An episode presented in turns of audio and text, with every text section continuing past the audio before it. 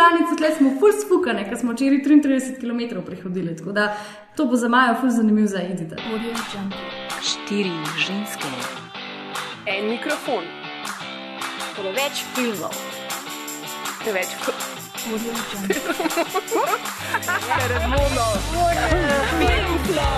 o filmu govorimo, dokler ne teče kri.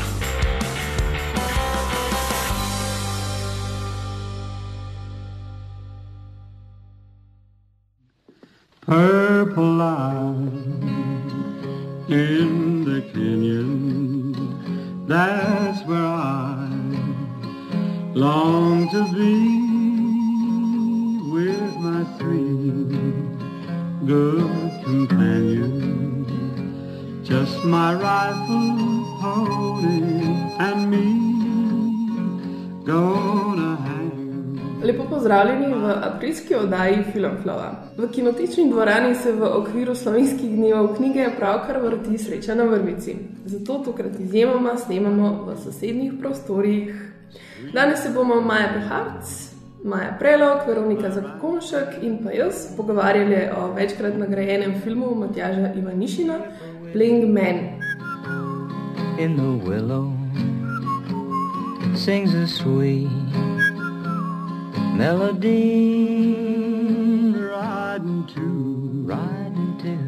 Film je na lanskem festivalu slovenskega filma prejel nagrado za najboljši dokumentarni film.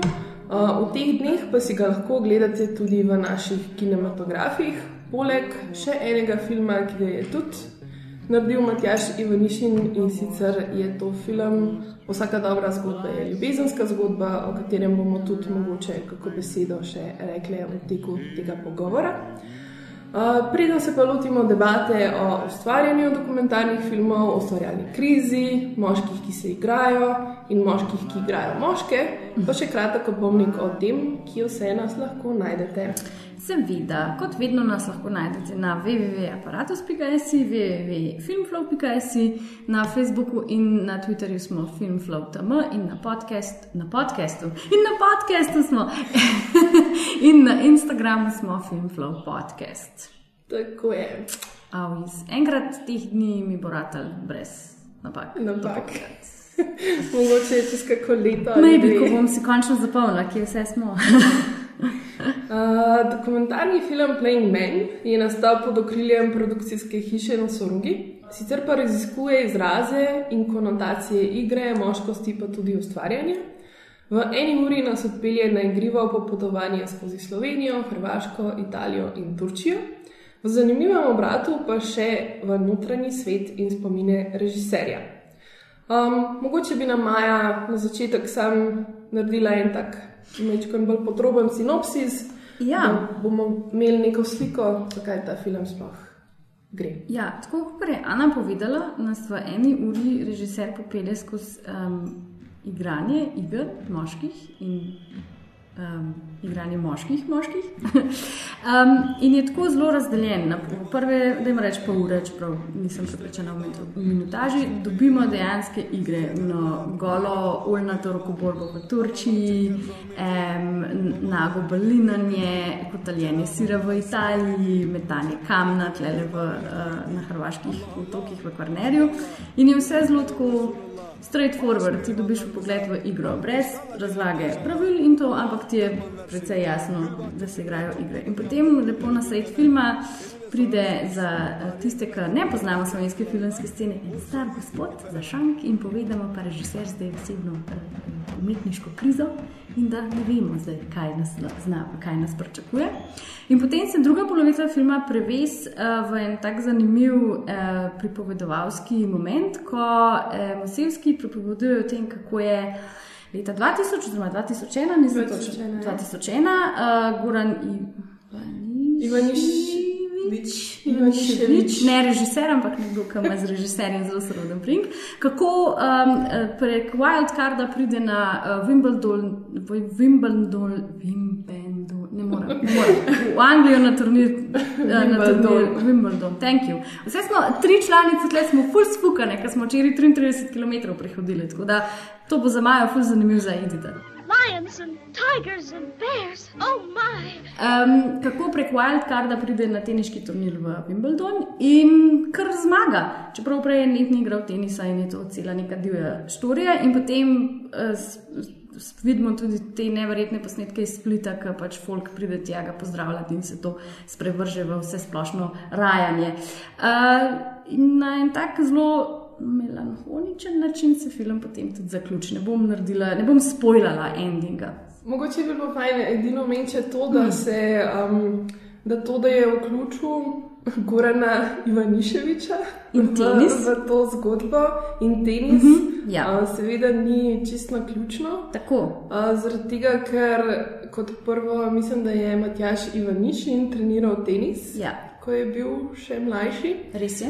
Um, in v bistvu tudi v enem intervjuju se mi zdi, da govori o tem, da je Goran Ivaniševič bil prej že trikrat v Tako. Wimbledonu in um, je vedno bil v finalu in je vedno izgubil v zadnjem Ja. nizu. In, Tudi zato, ker si je velikrat vse loparje polomil, ker je pač boj, da tak buren, buren tip človeka. Ja, to je vse ful res, ampak jaz tega nisem vedela, uh -huh. ko sem spremljala film. Tako da meni je bilo po eni strani zelo zanimivo, da je zdaj ta tenis not prišel, po drugi strani pa full random, ker nisem imela nobene stične točke, kaj zdaj s tem tenisom. a ne. In mislim, da tudi za nekega um, običajnega gledalca, ki ne pozna, mo- mogoče Matjaža, nima tega podatka. Tako da meni je to zanimivo, da nič ni kontekstualizirano, zakaj je ta tenis. Pač, lahko, jaz bi si predstavljala, da bi si lahko tudi futbol zbral, ali pa golf, ali pa boks, ali pa karkoli mm. drugega. Prva igra, nad katero sem se na nek način navdušil, oziroma me je toliko fascinirala, da sem imel občutek, da bi mogoče iz tega lahko nekoč uh, nastal film, je bila pravzaprav ta igra Mora. Zelo preprosta igra, ki se igra pač s prsti ene roke in pri kateri se kričijo števila. Mm, In bolj kot nad pravili samimi igre, sem bil na nek način fasciniran nad posameznimi elementi te igre, na kak način se ta igra igra, se pravi nad temi prsti, nad uh, ekspresivnimi obrazi igralcev, nad ritmom. V bistvu me je na en način fasciniralo to sami elementi, na drugi, na, po drugi strani pa me je tudi fasciniralo, da ko sem jaz opazoval to igro v slovenski istri, so jo igrali pač samo moški. In je v bistvu tudi to postala pol na nek način um, tema mojega filma. In sem podobne stvari začel iskati tudi pri drugih, uh -huh. pri drugih igrah. Se pravi, na nek način posku, sem poskušal opazovati to atmosfero, ki se odvija med moškimi, ki pač igrajo, oziroma kjer poteka nek, neka vrsta kompeticije.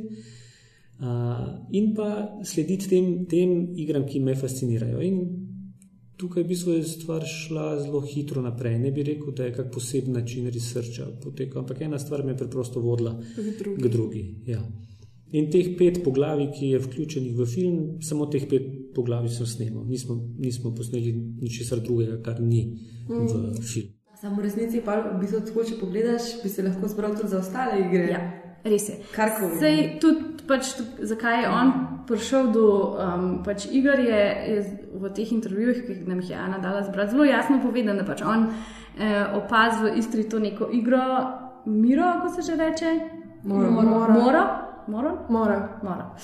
E, k, in ga ful fascinira, in pa se nekako sprav raziskovati ta sredozemski prostor, pa kaj tle moški delajo, in si izbere vse te neke uh, bizarne, nepoznane, mm. random igre, kot je kotaljenja sira. Po Ja, ja, se- italijanskih ulicah. Pa ta cel koncept igre, ne? Ja. kot igre, kot uh, igre, uh, športne igre, uh, domišljijske igre, igre v odnosih, uh, igre vsakdanjega. Pač, Ja. kaj, še, kaj so še uh, igre, kot igra v gledališču, kot igra uh, glasbil, kot vse Ja. igre tega sveta. Ja, ker pač ne, gre, ne gremo, itak mu ne gre za razlago tega, kako se te igre igrajo. Ne, Ja. Držno, ne, ne, pošteka, ne razložiti pravil, ampak ti mislim, da že v, prvem, v prvih minutah filma, ko gledaš to eh, rokoborbo v Turčiji, zelo jasno, da v bistvu se ukvarja dokumentarc z nečim drugim Ja, v igri. nečem Ne- bolj ezoteričnim. Tako, oziroma, kot tudi Matjaš sam reče, magičnim, skoraj, oziroma um, mističnim. Ne, Ja, arhetips, arhetipskim. Tudi, ne. Tako. Po nekih filozofijah ne bi bila kao, ne bi bilo celo življenje in vse, celo vesolje, eh, božanska igra pač božanskih uh, Entitet. bitij. Ja, se to tudi Shakespeare ne ima ta um, znan citat, da je svet odar in mi mm. vsi samo igravci na njem. Tako da mislim, da tudi ta citat se kar lepo aplicira na, na ta film. Um, ampak mogoče, no, zdaj smo že sicer kar nekaj um, stvari povedali, pa se jih bomo mogoče vsake še mečkaj bolj podrobneje lotili v nadaljevanju. Um, zdi se mi, da je v bistvu že sam naslov uh, filma oziroma tega dokumentarnega eseja Playing Men, torej igra moških ali igranje moških, sugerira najmanj dve branji tega filma. Me pa zanima, mogoče, kaj je bilo vam osebno, kaj se je vam osebno zdelo, da je glavna tema filma, o čem se vam zdi, da film govori, pa mogoče kaj vam je pri njem tako osebno najbolj izstopalo oziroma ostalo v spominu. Igranje s tem našim dojemanjem, kaj, kaj igra je, oziroma kaj pomeni igrati se, ker lahko ima neko zelo osebno ali pa domišljijsko ali pa profesionalno, če pač si dramski igralec ali pa igralec inštrumenta, um, noto. Hkrati potem s tem diturom uh, sredi filma, v bistvu se začne s samim medijem filma mm. igrati, režiser in s tem z nami kot igravci, ker res neko tako nepričakovano gesto naredi. Mislim, z nami kot gledalci. Ja, ne? tako z nami, Mhm. ja, tako da smo pač kar naenkrat, pač seveda, on postane del te igre.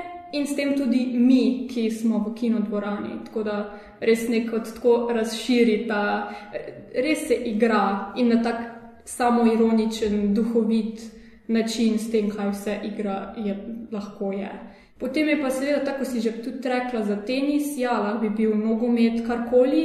Um, ampak jaz sem glavni point tle dojela kot na začetku se ukvarja s temi lokalnimi igrami, ki pač igrajo neki moški v gostilni ali pač kjerkoli že v nekem malem mestecu na Siciliji. Um, potem pa to pač prenese v neko, nek nacionalni šport, oziroma s- šport svetovnega uh, obsega, ki pač na nek način tudi neko nacionalno identiteto gradi. In pač vidimo tudi ta sprejem teh športnikov, yeah. igralcev, v bistvu, um, pač kakšne razsežnosti yeah. lahko to prinese za seboj. Meni se zdi prav ta stvar, ki si jo omenila, mislim, to igranje s samim medijem filma, ne samim medijem dokumentarnega filma, kako v bistvu ga na nek način razširja, eh, preuprašuje, kaj sploh je dokumentarni film. Um,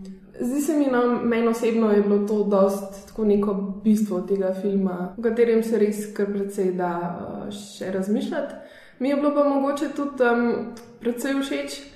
Se mi zdi, da imaš zelo veliko različnih um, momentov v tem filmu. Nekje, recimo, takoj na začetku je res poudarek na teh moških telesih, uh, tudi posneto je tako zelo vizualno, imaš neko res tako zelo vizualno filmsko izkušnjo.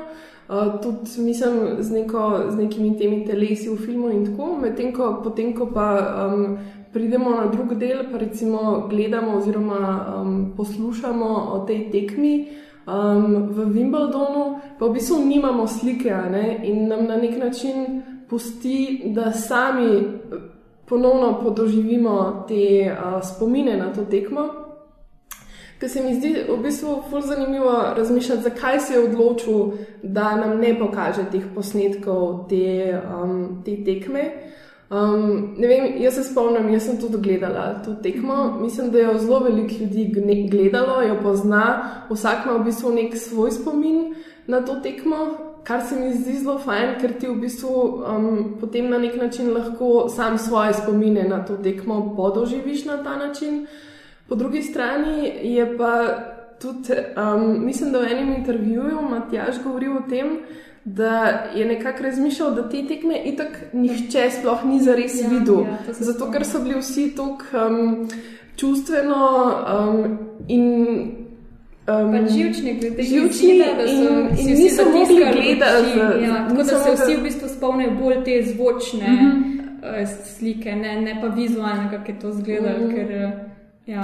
Ja, pa tukaj imaš recimo v tem delu tudi um, Mosevskega, kot si ti mm. -hmm. omenila prej, ki v bistvu odigra ta dela. Ne? Mislim, to ni um, pripovedovanje tako po spominu, ampak mm -hmm. to je, bila, bile napi je bil napisan ne, Scenarij, ja. eh, scenarij oziroma dialog, kar presega neke meje dokumentarnega filma. Da Ja. to, to mi je bilo zelo, zelo mm. fajn. Wimbledon 2001, the men's final. Wildcard Goran Ivanisevic is engaged in a titanic battle with Pat Rafter. It's 7 all in the deciding set. That stunning return gives the Croat a vital break. Ivanisevic is now two points away from victory. Pravzaprav je bila to odločitev od samega začetka, da, da ostane ta del, kjer bi morali gledati sliko iz Wimbledona, da ostane pravzaprav tema. To pa zaradi tega, ker se mi je zdelo, da ko mi Peter Mosevski pripoveduje o tem dvoboju, da na nek način bi poskušal um, spostaviti pogoje, da bi si gledalec lahko na nek način predstavljal to njegovo pripoved po svoje. Zdaj, tisti, ki poznajo ta dvoboj, imajo po večini še zelo jasno pred sabo sliko, na kak način se je ta eh, dvoboj odvijal. Um, tisti, ki pa ne, um, za tiste pa se mi je zdelo na nek način tudi vznemirljivo, da si pač samo po tej pripovedi njegovi um, predstavljajo sam dogodek, kot da bi nekdo ti pripovedoval neko anegdoto, ki se je dogajala in bi jo ti pač sam, ne, um, se pravi, skozi svoje sprejemanje te zgodbe si jo slikal uh, v svoji glavi. Um, mi pa bilo na nek način zanimivo, ko sem v bistvu film miksal v Zagrebu z Borno Buljevičem.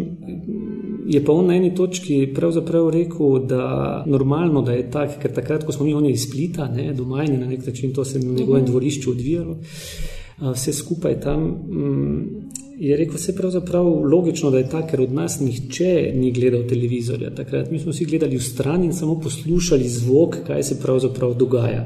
Ne, ker nihče ni zdržal tega pritiska in so vsi samo upali, da bo pač Goran uspel ta meč pripeljati do konca. Ne. He's done it at last. What a dramatic win. After fulfilling his lifetime's ambition, Goran can't contain his emotions. Another golden moment from Wimbledon. Jaz sem zelo pričakovala, da ko je v bistvu ta prvi del je res zelo tak, je, je specifičen. Ne? Imaš ti te slike filmske, ko imaš to igro, pa to igro, pa relativno brez monologa, oziroma včasih dokaj pove, za kaj se gre. Ne? In pa nastopi ta umetnikova kriza in sem bila jaz tako, oh, ok.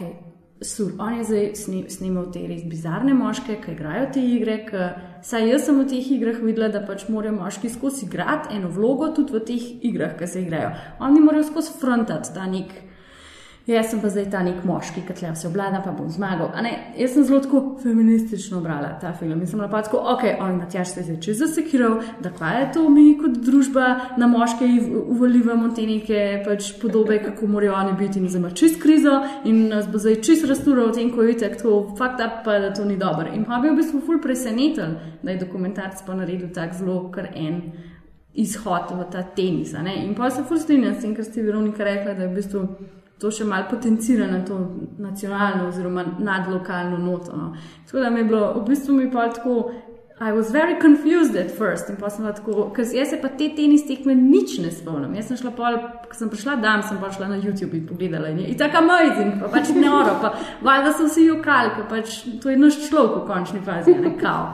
In sem pa bila tako, ja, ok, da to make sense, da pač on to prevede, prevede pol na neko nadnacionalno noto. No. Ampak jaz sem res ful pričakovala ta kao, kritiko tega sistema, ko je tako, mi delamo z moškimi, mm. ne, ne, ne, jaz sem ful to pričakovala. In pa v bistvu sem zdaj vesela, da tega ni, ker pa bi film izpolnil moje pričakovanja in bi bila pa tako malo, ja, ja, ok, cool. V bistvu tako kot iz uh, intimnega gre na nacionalno, ne, tudi v smislu fotografije. Na začetku so res taki um, detajli, mm -hmm. na teleobjektiv, na nekem času pa z, v bistvu, z totalom sončnega zahoda. In tako, če pogledaš v bistvu prvi kader, pa zadnji kader filma, to včasih veliko pove v filmu, tako vizualno, pač, pa kakšen koncept je tle zadaj. ne. Ker se mi zdi, da Matjaš Ivanišin je full konceptualen uh, umetnik, prosti Matjaš, če sklepam, da je to narobe.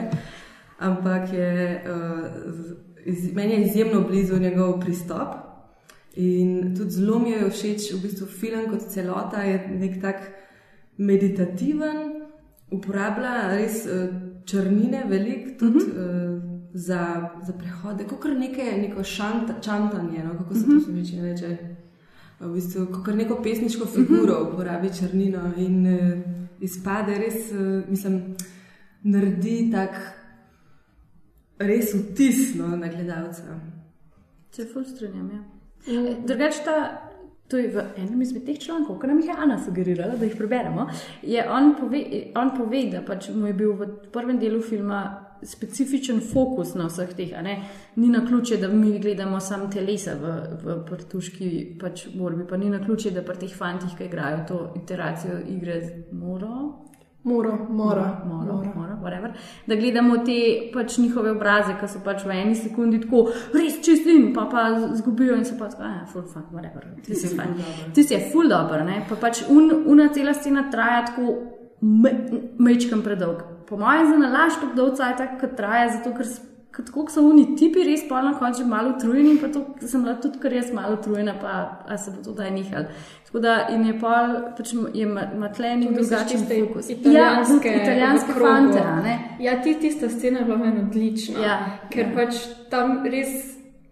Prej recimo je bolj fokus na samih Na rokah, Mhm. tle pa pač pride celo telo in izrazi in to kričanje. Ja, in potem ja. se pa kamera kar naenkrat uh, spreobrne v pač sliko petelina, ja. kar je res, mislim, tako zelo so petelin, petelini. Ja. in pa še napava. In je pač res tako ti. Res fino sugerira, Ja. ker Ja. obnašanje je pač točno to. Meni ta, meni ta scena, mislim, da sem tudi Maj, ko smo skupaj gledali ta film pač v kinodvoru na premjeri. Um, sem ji pri tej sceni rekla, oh, fakt, to je tako isto kot ti modeli na borzi, ki se derejo en čez drugega, kdo bo zdaj prodal več delnic. In mi je bilo tako pač prav neka ta ista dinamika teles in upitja in vsega, um, v bistvu ta neka, ja, pač pa uh, te, ki so uh, tam dražbe. Ja, ja, unive. Werner Herzog ima en film, ki gre v te neke amišovske uh, skupnosti. Imajo, kako že naslov? How much wood would woodchuck a woodchuck would chuck wood? To je naslov filma. Dražijo krave, pa to je ja, full door film. To je best. To moram zdaj gledati. Ja, v bistvu zdaj smo nekaj že omenili, um, tudi o neki tej filmski po poetiki, Matjaža Janišina, tako kot si ti Maja rekla, da, v bistvu, da te je presenetil, da si pričakovala nekaj, pa je pol v bistvu prišlo ven nekaj čist drugega. Se mi zdi, da je v bistvu preobrat v tem filmu, a ne ta moment, ko on v bistvu kamero obr obrne sam vase in se sam pojavi v filmu in nekako začne reflektirati sam svojo ustvarjalnost in tako, da je bila za marsikoga v bistvu nepričakovana poteza. Ampak mogoče, če malo bolj poznamo um, Ivanišinove prejšnje filme, se mi zdi, da nam ta preobrat mogoče ni tako zelo presenetljiv. Da je to neki, mislim, ena taka poteza, ki bi jo mogoče od njega res pričakoval, vsaj glede na njegov prejšnji opus. Ker zdi se mi, da vsaj ti filmi, ki sem jih jaz videla, no, nisem vseh tistih eh, pač študentskih. Um, načeloma nisem, no sem pa v bistvu vse te njegove uh, zadnje filme si pogledala in to so filmi, ki vedno igrajo po nekih svojih pravilih. Um, so zelo vizualno poetični, iskreno duhoviti, zelo veliko imajo teh res um, um, smešnih situacij, um, pa tudi zelo, vsi so zelo metafilmski. In zdi se mi, da je v bistvu opus Matjaža Minišina mogoče eden najbolj zanimivih v, sodobni, uh, v sodobnem slovenskem filmu. Um, tako da ne vem, mogoče lahko um, nekaj Maja že povedala o, o tem načinu, na katerega on dela filme, pa mogoče lahko še kaj rečemo o tem. Zdaj ne vem, meni recimo prvi film, tak, kjer sem se spoznala z njegovo poetiko, je bil Karpo Potnik. Um, to je bil film o Karpu Godini, brez Karpa Godine. Um, kar je pač, mislim, že, že ta koncept ne, je v bistvu bil nekaj zelo um, posebenega. Um, pa tudi sama izvedba je bila v bistvu precej, um, precej fina. Ja, mislim, da je še celo tako, da ga ni smel omenjati, pa drugi ljudje ga niso smeli omenjati, pač nič ni smel tako uh, neposredno s karbon Mm. godino početi. Ja, ker mislim, da je ta, ta film je nastal, um, ker je bilo to um, Maribor, ta kulturna prestolnica. Mhm. In v sklopu tega so imeli tudi neke dokumentarne portrete večjih različnih slovenskih pomembnih uh, ljudi. Recimo, vem, da je Sonja Prosenc v okviru tega naredila ta mož s krokarjem, o temu slikarju, tisnikarju. Mhm. Um, eden od teh projektov je bil pa tudi Karpo Potnik kot Ivanišina. In um, pač hotel so narediti, seveda, portret Karpa Godine, ampak Karpa Godina nekako ni hotel tega in je rekel Ivanišinu naj naredi pač film o njem brez njega. In se je Mat Matjaž zdel to en zelo tak fin izziv. In Se je igral, pol ne, tega bil pravila in se je lahko igral, kar je v resnici pomeni trdo delal. Um, pa pa recimo um, drug tak film, ki je bil meni, je meni zelo, zelo ljub, je Hiške, ki sta ga, tudi dokumentarni film, ki sta ga naredila skupaj z Darkom Sinkom. Um, to je v bistvu en tak zanimiv uh, portret ljudi, uh, ki živijo tam v enih takih mehkih vasicah na Koroškem. In se mi zdi, da sta res v bistvu nekako ta film je taka esenca uh, slovenstva.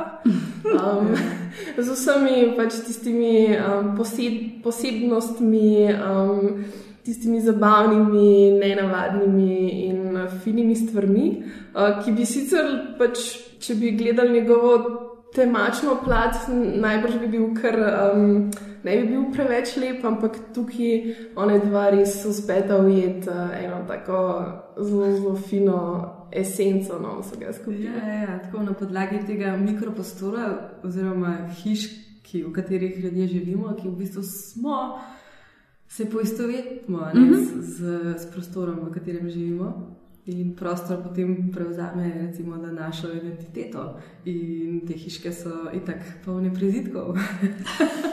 Zelo slovensko. Zelo slovensko in zelo, res, uh, zelo, zelo um, um, preprosto, ampak ful kompleksno. Pa tudi se mi zdi, da se v teh dveh filmih že na nek način vidi um, način njegovega ustvarjanja. In to so vsi zelo taki mehki filmi, v smislu, mehni, v smislu filmske ekipe, budžeta, načina produkcije, ker v bistvu Matjaš je zelo tak človek, da veliko sam tudi snema. Um, pač intervjuja te ljudi in tako. In se mi zdi, da tudi tukaj pride pol ta res um, njegov pogled, pa um, njegova ideja še toliko bolj do izraza, ker mislim, um, imajo njegovi filmi tako v bistvu eno zelo tako zelo opazen avtorski podpis zaradi tega. Ne? Tako mislim, ko vidiš njegov film, veš, da je to njegov film.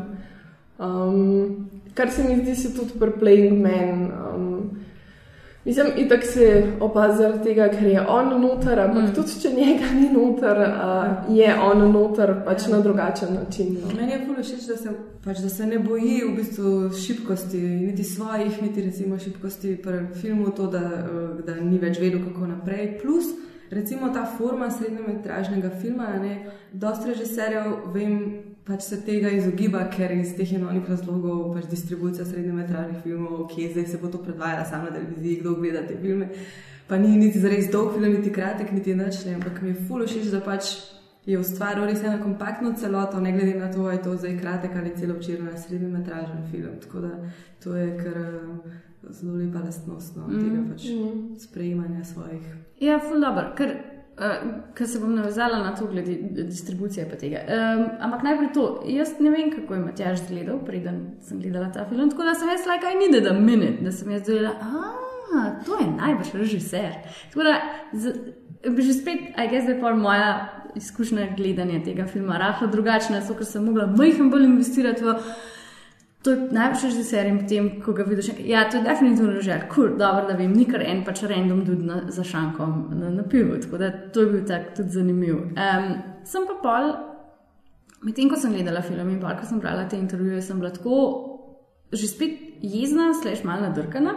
Ker če jaz ne bi imela te sreče, da bi se združila z Ano in z vami, ki ste v filmskem svetu, jaz si tako ne bi vedela za Matjaža, ne bi vedela za ta film, ne bi vedela za njegove prejšnje filme. ne.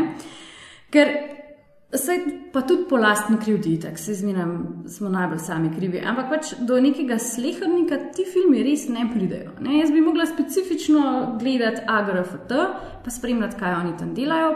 Na, zdaj, hvala Bogu, ima jih bolj razširjene filmske projekcije njihovih filmov, ko sem videla, da so zadnjič bili v Bežigradu predvajani, v kinu Bežigradu predvajani, kar je super, the best, amazing.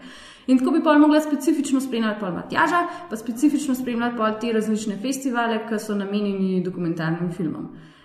Kar je za nekoga, ki se za film tako malo bolj pavšalno zanima, precejšna investicija. Ne? In sem pa čist, itak nazvenam ta popizditi, da smo v Sloveniji čist fuknjeni, da pač ne znamo teh filmov spraviti ali v ne vem, RTV, na splet, v arhiv ali jih pač voziti šole gledati ta, te filme, namesto da, gleda, da grejo gledati Harry Potterja, kot mi je včeraj tvoja sestra povedala, da so jih šolsko pelali Harry Potterja gledati prvega. Which is amazing, da best, ker v Ameriki se žigajo te knjige, mi jih pa ho- hodimo šolsko gledati, ampak a ne bi mogoče, a ne bi mogoče raje se dogovorili pa pač se spravili za dve ure v kino gledati dva res dobra dokumentarna filma. Ne, ne bomo tega počela. Ne.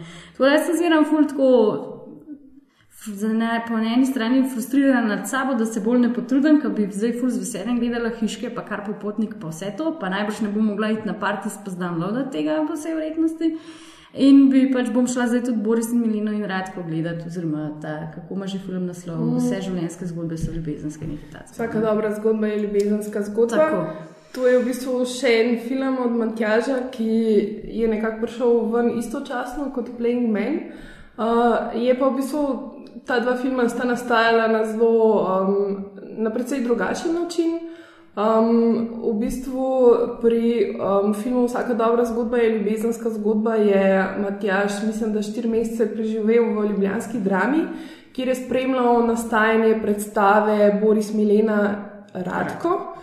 Um, in je v bistvu delal nač, film na način, kot jih dela Weizmann, uh, čemu se kao reče observacijski dokumentar, čeprav pač mislim, to zares ne obstaja.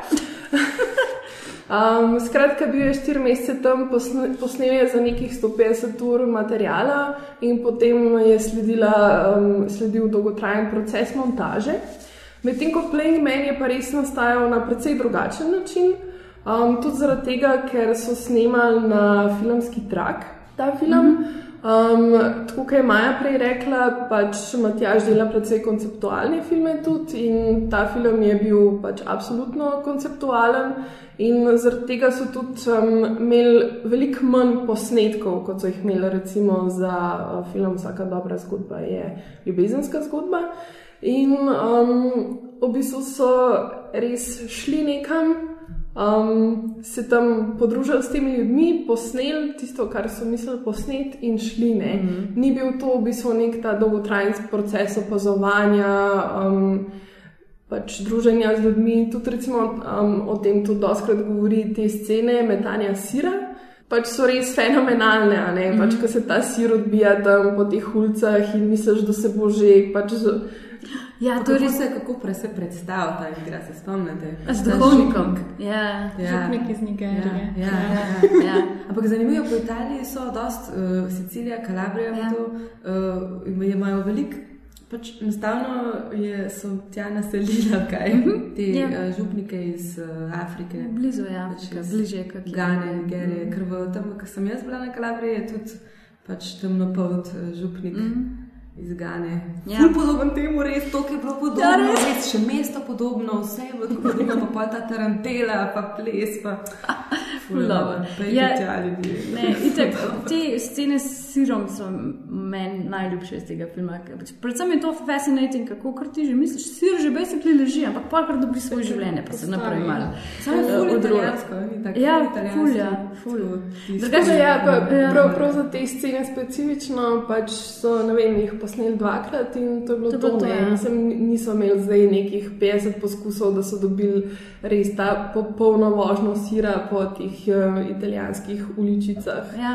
Sej, jaz bi, ne vem, ker pač absolutno nisem gledala nobenega drugega filma, ampak ta neka redukcija se mi zdi, da je zelo tako gre skozi njegove filme, ki pač to, kar sprej rekla, recimo o Karbu Potniku, da ni smel sploh omenjati Karbe Godina, je že neka omejitev, ki si jo je, ok, mu je bila dana, ampak se jo je držal. Recimo, da se je tle odločil, da bo na 16 mm trak snimal, je že spet omejitev, znotraj katerih dela, ker pač Mislim, tako kot, kako Jack White pravi, ko se je strinjal, da pač, če imaš okvire, znotraj katerih delaš, si veliko bolj kreativen. Mm, ja, pa to- če jih Ja, v, bistvu ti to v Ja. končni fazi veliko več svobode Tako, prenese. kot kot pa da imaš neomejeno svobode. Ja. Jaz preprosto imam rad to nepredvidljivost uh, in omejeno količino pač materijala. Um, v tem primeru smo res imeli precej malo materijala, glede na to, koliko se pač dan danes v dokumentarnem filmu načeloma materijala koristi. In na nek način to, da ne moramo takoj preveriti ali pa videti ali pa sploh s kakim monitorjem preverjati, kaj smo posneli, se nam je zdel na nek način izziv in tudi na nek način smo se odločili za ta način dela. Tudi na, glede na način, na kak način smo se odločili, da bomo film snemali. Ne? Zdaj, če bi mi snemali verjetno en čisto observacijski dokumentarni film, bi verjetno se odločili za digitalno tehniko preprosto zaradi tega, ker pač ne bi imeli dovolj traku, oziroma bi nam tisti način bolj, bolj ustrezal samemu načinu dela. Ker sem pa tukaj v tem primeru že vnaprej vedel, da bom pač stvari snemal na drugačen način, se mi je zdel pa ta filmski trak primeren.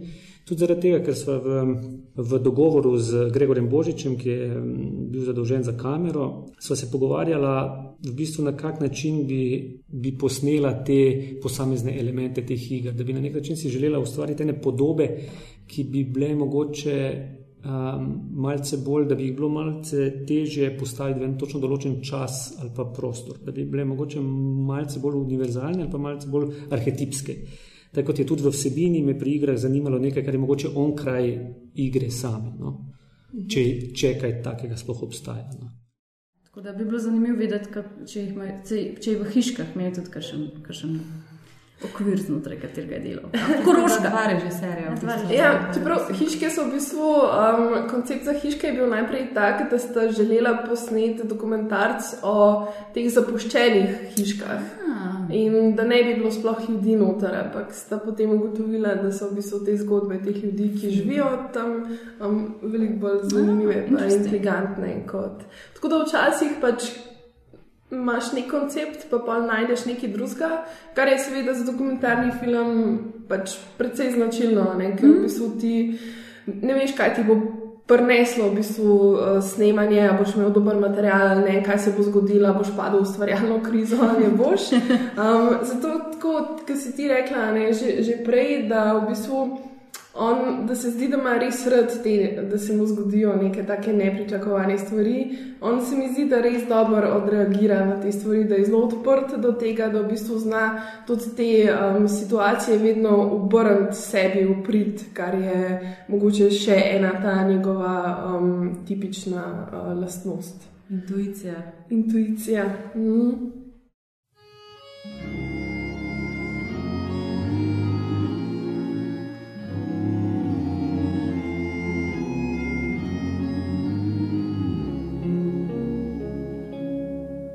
Sun is sinking in the west. The cattle go down to the stream. The redwing settles in the nest. It's time for a cowboy to dream. Purple light in the canyons. That's where I long to be.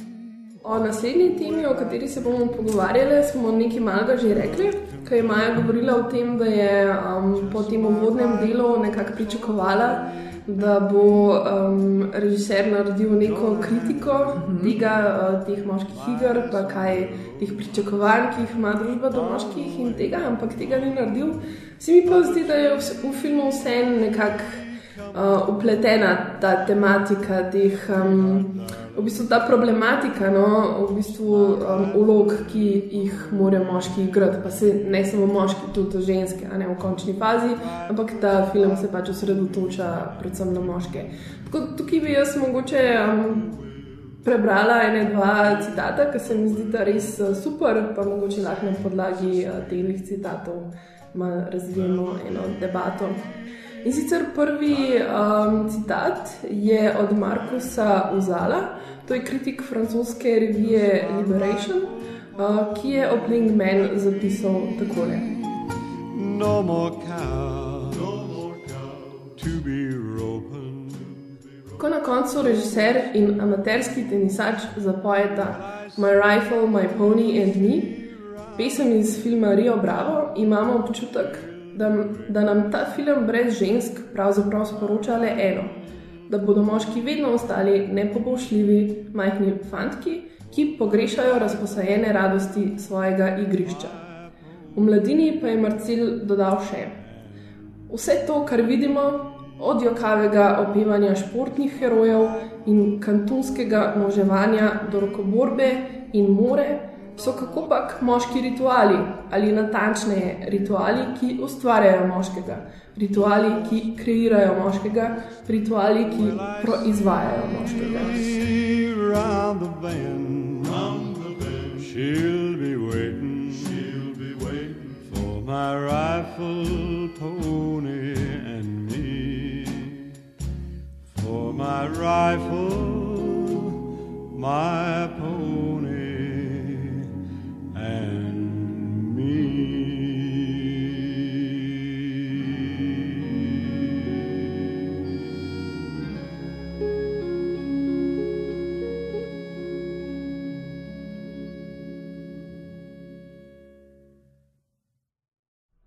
Ja, bravo, Marcel. Dobro ste povedali. Ja, ne, itak, sej, pač, kljub temu, da, druga, da me je druga polovica filma raz, razočarala v smislu, da pač ni Matjaš šel v neko kritiko sistema, ne, ti je zelo jasno, tudi skozi to montažo, pa kako imaš vidiš igro, pa pol peteline, pa pave, ne, da v bistvu. Um, Je do določene mere to nek tak kritičen, v narekovajih, pogled na moškost, pa na igro, ki jih moški igrajo in kaj skozi to poročajo. Ne? Mislim, ker recimo ta oljna ta rokoborba, like, Vse je homoerotično. je yes, pretty gay. It's pretty gay, pa se jim to zdi zelo ok, in pa se jaz cel cel sprašujem, like, kaj oni performajo skozi to, oziroma kaj življajo skozi to. Ne? In, in vse te, ne vem, nagog glanje, pa, pa te stvari so zelo tako zgovorne o tem, pač kako se v bistvu moški spopadajo s tem, kar morajo biti, oziroma kar jim je bilo, kar jim je usiljeno, da so. No, tako nekako. Tako Da, ne glede na to, da Ali pa mogoče ravno skozi igro so lahko tisti, Tisto, kar kar, kar, kar kar jim je prepovedano. Ta rokoborba je recimo tipično turška igra uh -huh. in Turčija velja za eno bolj patriarhalnih družb.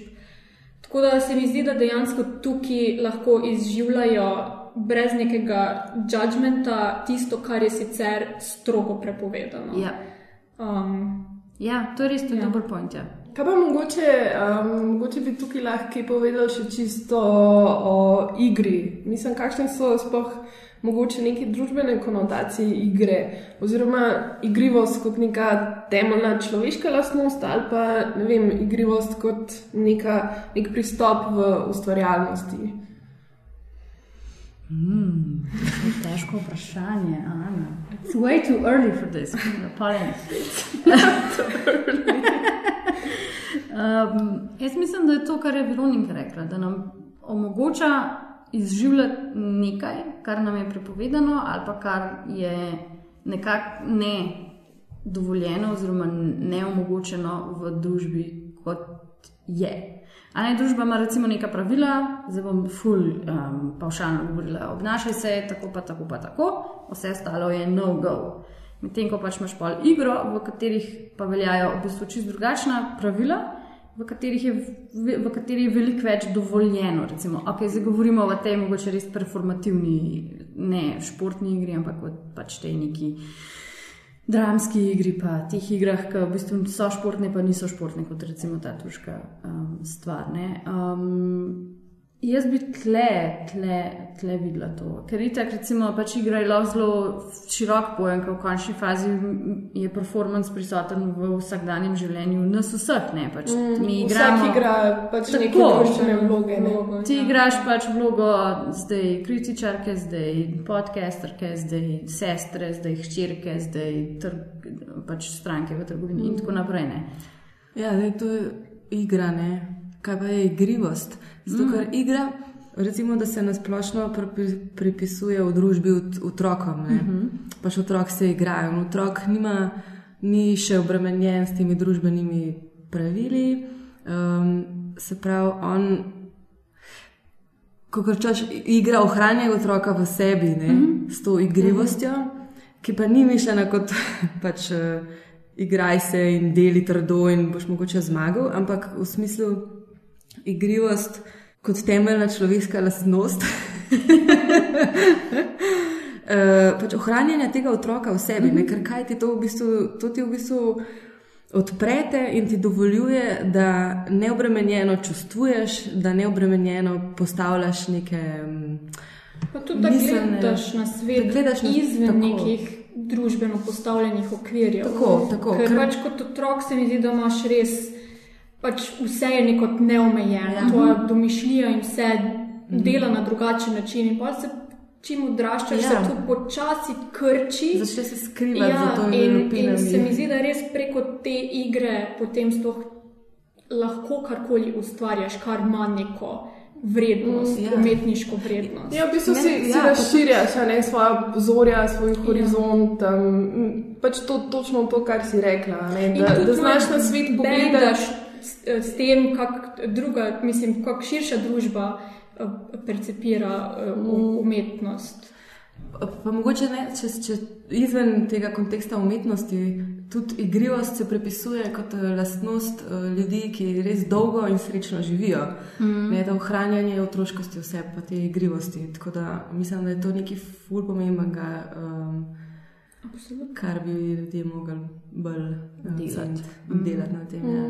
Mm. Ja, pa zelo mi je všeč, ko v bistvu on dejansko vse te stvari, o katerih govori, pa um, o katerih je film, dejansko aplicira tudi na sebe. Pač, ker on v bistvu zauzame ta igriv pristop do ustvarjalnosti, do svojega filma, do samega sebe in nam na nek način da tudi sam zgled, da na kak način mislim da on tudi to, čemer govori, a ne, mislim, tudi sam zares verjame v to, pa dela te stvari. Mm -hmm. Tako da to. Začne konceptualno, pol, pol se zgubi, doživi krizo, ne ve več, kaj bi, in ko se sprosti, se začne igrati in nastane ta, ta Mm. twist. Ja. ki se v bistvu ful dobro. eh, That's a very good point, ful ja. dobro, ja. Tako kot na začetku reče, ne. Ja, ta pesem, ne. Re, Ja. razbiti Razbiti na koščke. koščke. In, ja. In če ostaneš cel, pa se lahko igraš. Ja. Awareness. Ja. Cool. Um, mogoče bi lahko še um, rekel uh, o tem, o čemer se itak že um, skozi cel uh, podcast malo pogovarjamo. Pač o tem, kako se umetnik spopada z ustvarjalno krizo. Ne, tukaj smo rekli, že, da je on zelo igriv, da v bistvu um, težke situacije vedno zna nekako obrniti v, v svoj prid. Ja, no, v drugi polovici filma se nekako zazre sam vase, kamera obrne vase, v film nekako vključi tudi sestavine iz svojega lastnega življenja. Pač govorili smo že o tenisu in tako. Um, me pa zanima, mislim, um, kako se je vam zdelo to njegovo soočenje s to ustvarjalno uh, krizo. Uh, se vam zdi, da je film zaradi tega deluje boljš? Ne vem, kaj to da filmu za res. Me, meni men se zdi, da mm -hmm. filmu to dejansko da identiteto, da, da kot se zdi, da ni druge, sploh ni druge, da bi film bil to, kar je, eh, pač ni druge možnosti. Enostavno, pač kakorkoli, če se ti zdi, da je slabo, ok, če se zdi, da je dobro, ok, ampak film kot tak temelji na tako močnih eh, pač, temeljih, je, no, da ga ne podre to. Je smešen. Mhm. ne? Ja. Uh, je tudi mogoče se malo estetika spremeni, ne? ampak je še vedno se vidi v teh kadrih, ki on sedi v praznih lokalih. Te, te lokali so fulega, takega jugos- jugoslovanskega Ja, patosa. ja, ja, ja. In uh, takrat v bistvu tudi prvič malo uh, nakaže na igro kot seksualno igro, ne igro moškega, pač uh, v smislu seksualnosti, kaj on sedi v tem baru uh, kastriku. Ko je v bistvu dejansko tudi nek bordel. hkrati. Ja, ja, ja. ja meni se tudi zdi, da na ta način film izpade veliko bolj igriv, kot če bi samo eno uro gledali pač te posnetke moških, ki se igrajo. Ker eh, razširi polje te igrivosti, pač ni samo igra na tak način, ampak je igra toliko širša. Mhm.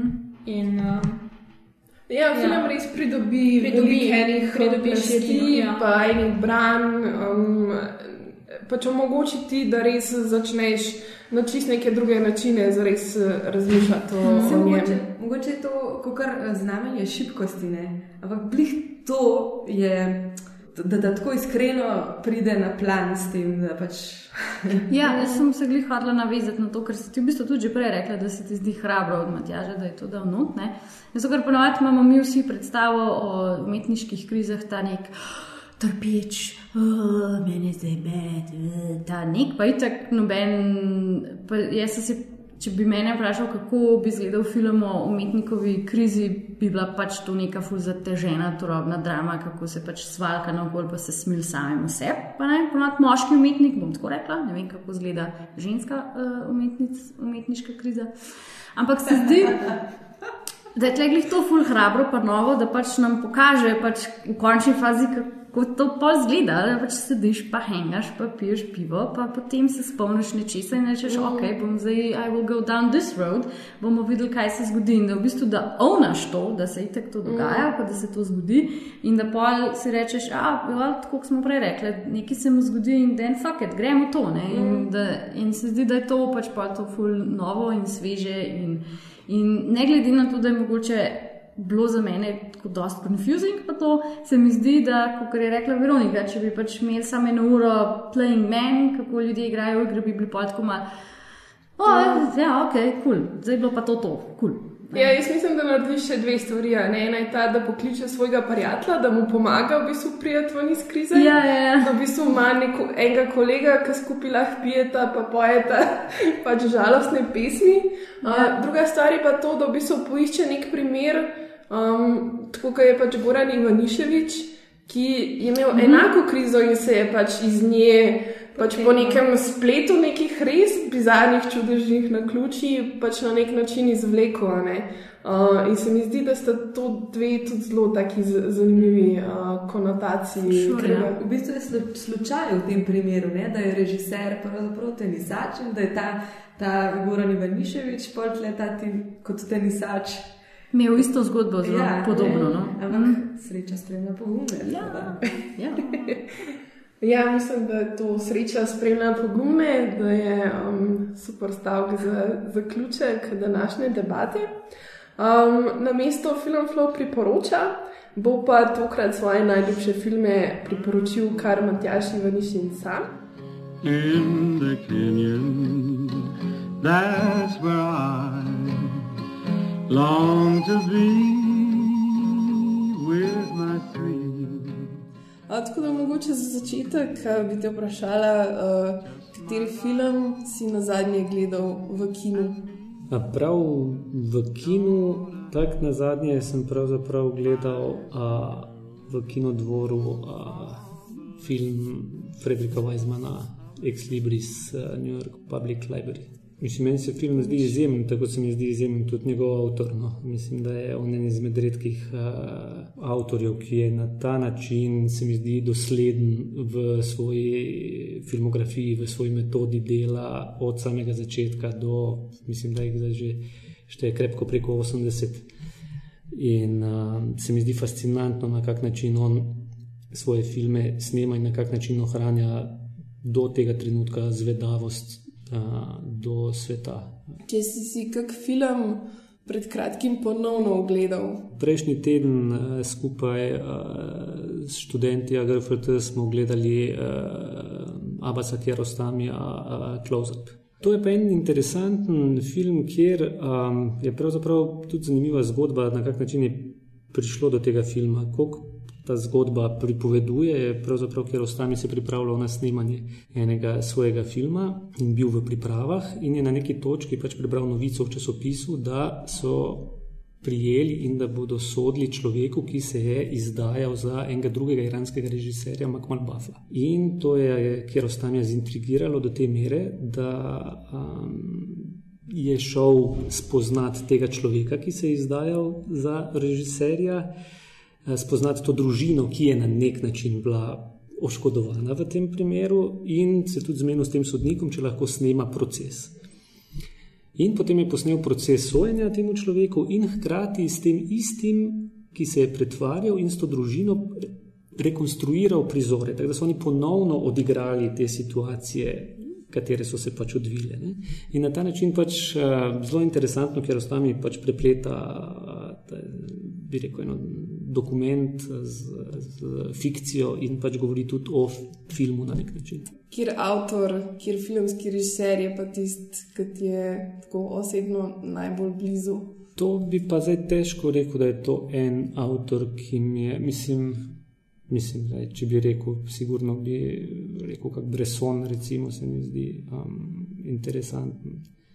Ali pa Ozu, recimo. Um, no, na nek način sta oba, se mi zdi, na nek način ta svoje, svoj princip, sta zelo različna avtorja, tudi svoj princip na nek način poenostavlja do te mere, da, da, je, da je že prav fascinantno. No. In če bi hotel nekoga navdušiti za film, za filmsko umetnost, kateri film bi mu predlagal, da si ogleda? To bi pa na nek način težko rekel, zaradi tega, ker bi pravzaprav mogoče moral videti najprej človeka pred sabo. Težko bi rekel, da je en film, ki bi ga zdaj čisto vsakemu priporočal. No? Pa tudi, če bi imel človeka pred sabo, ni nujno, da bi takoj zadeval. Se spomnim, da, da, da, da je, sva se enkrat pogovarjala z Marušo, mojo punco, pa je ona rekla, no pa daj pa ne. Pa povej, pa bi kaj gledala, pa ne, dajmo pogledati kak film. In sem jaz pač si mislil, dobro, dajmo, pa sem mislil, kaj imam za jaz rad. In sem dal seveda Bresona gor in je pač bilo to težek, težek ogled je bil to, ni, ni se dobro išlo. Ne, ni se dobro išlo. Uh, ampak pol naslednjič, ne, smo rekli, no, probujemo pa še nekaj, sem pa um, mi pokazal, kaj savete sa Woman Under the Influence, to je bilo pa um, popolno odkritje, recimo. Mm. Tako da ne bi se preveč hvalil, da sem dober v tem, da izbrati pravi film. Come to get along home, Cindy, Cindy, get along home, Cindy, Cindy, get along home, Cindy, Cindy. Ja, moški in njihove igre nas bodo na nek način spremljali tudi v naslednjem podkastu, v katerem se bomo lotili novega filma izjemne škotske režiserke Lynn Ramsey, nikoli za res tukaj z Žakinom Phoenixom v glavni vlogi. Tako da, cool. do takrat, adijo. Bye! Live or die. Get along home, Cindy, Cindy, get along home, Cindy, Cindy, get along home, Cindy, Cindy, I'll marry you, son.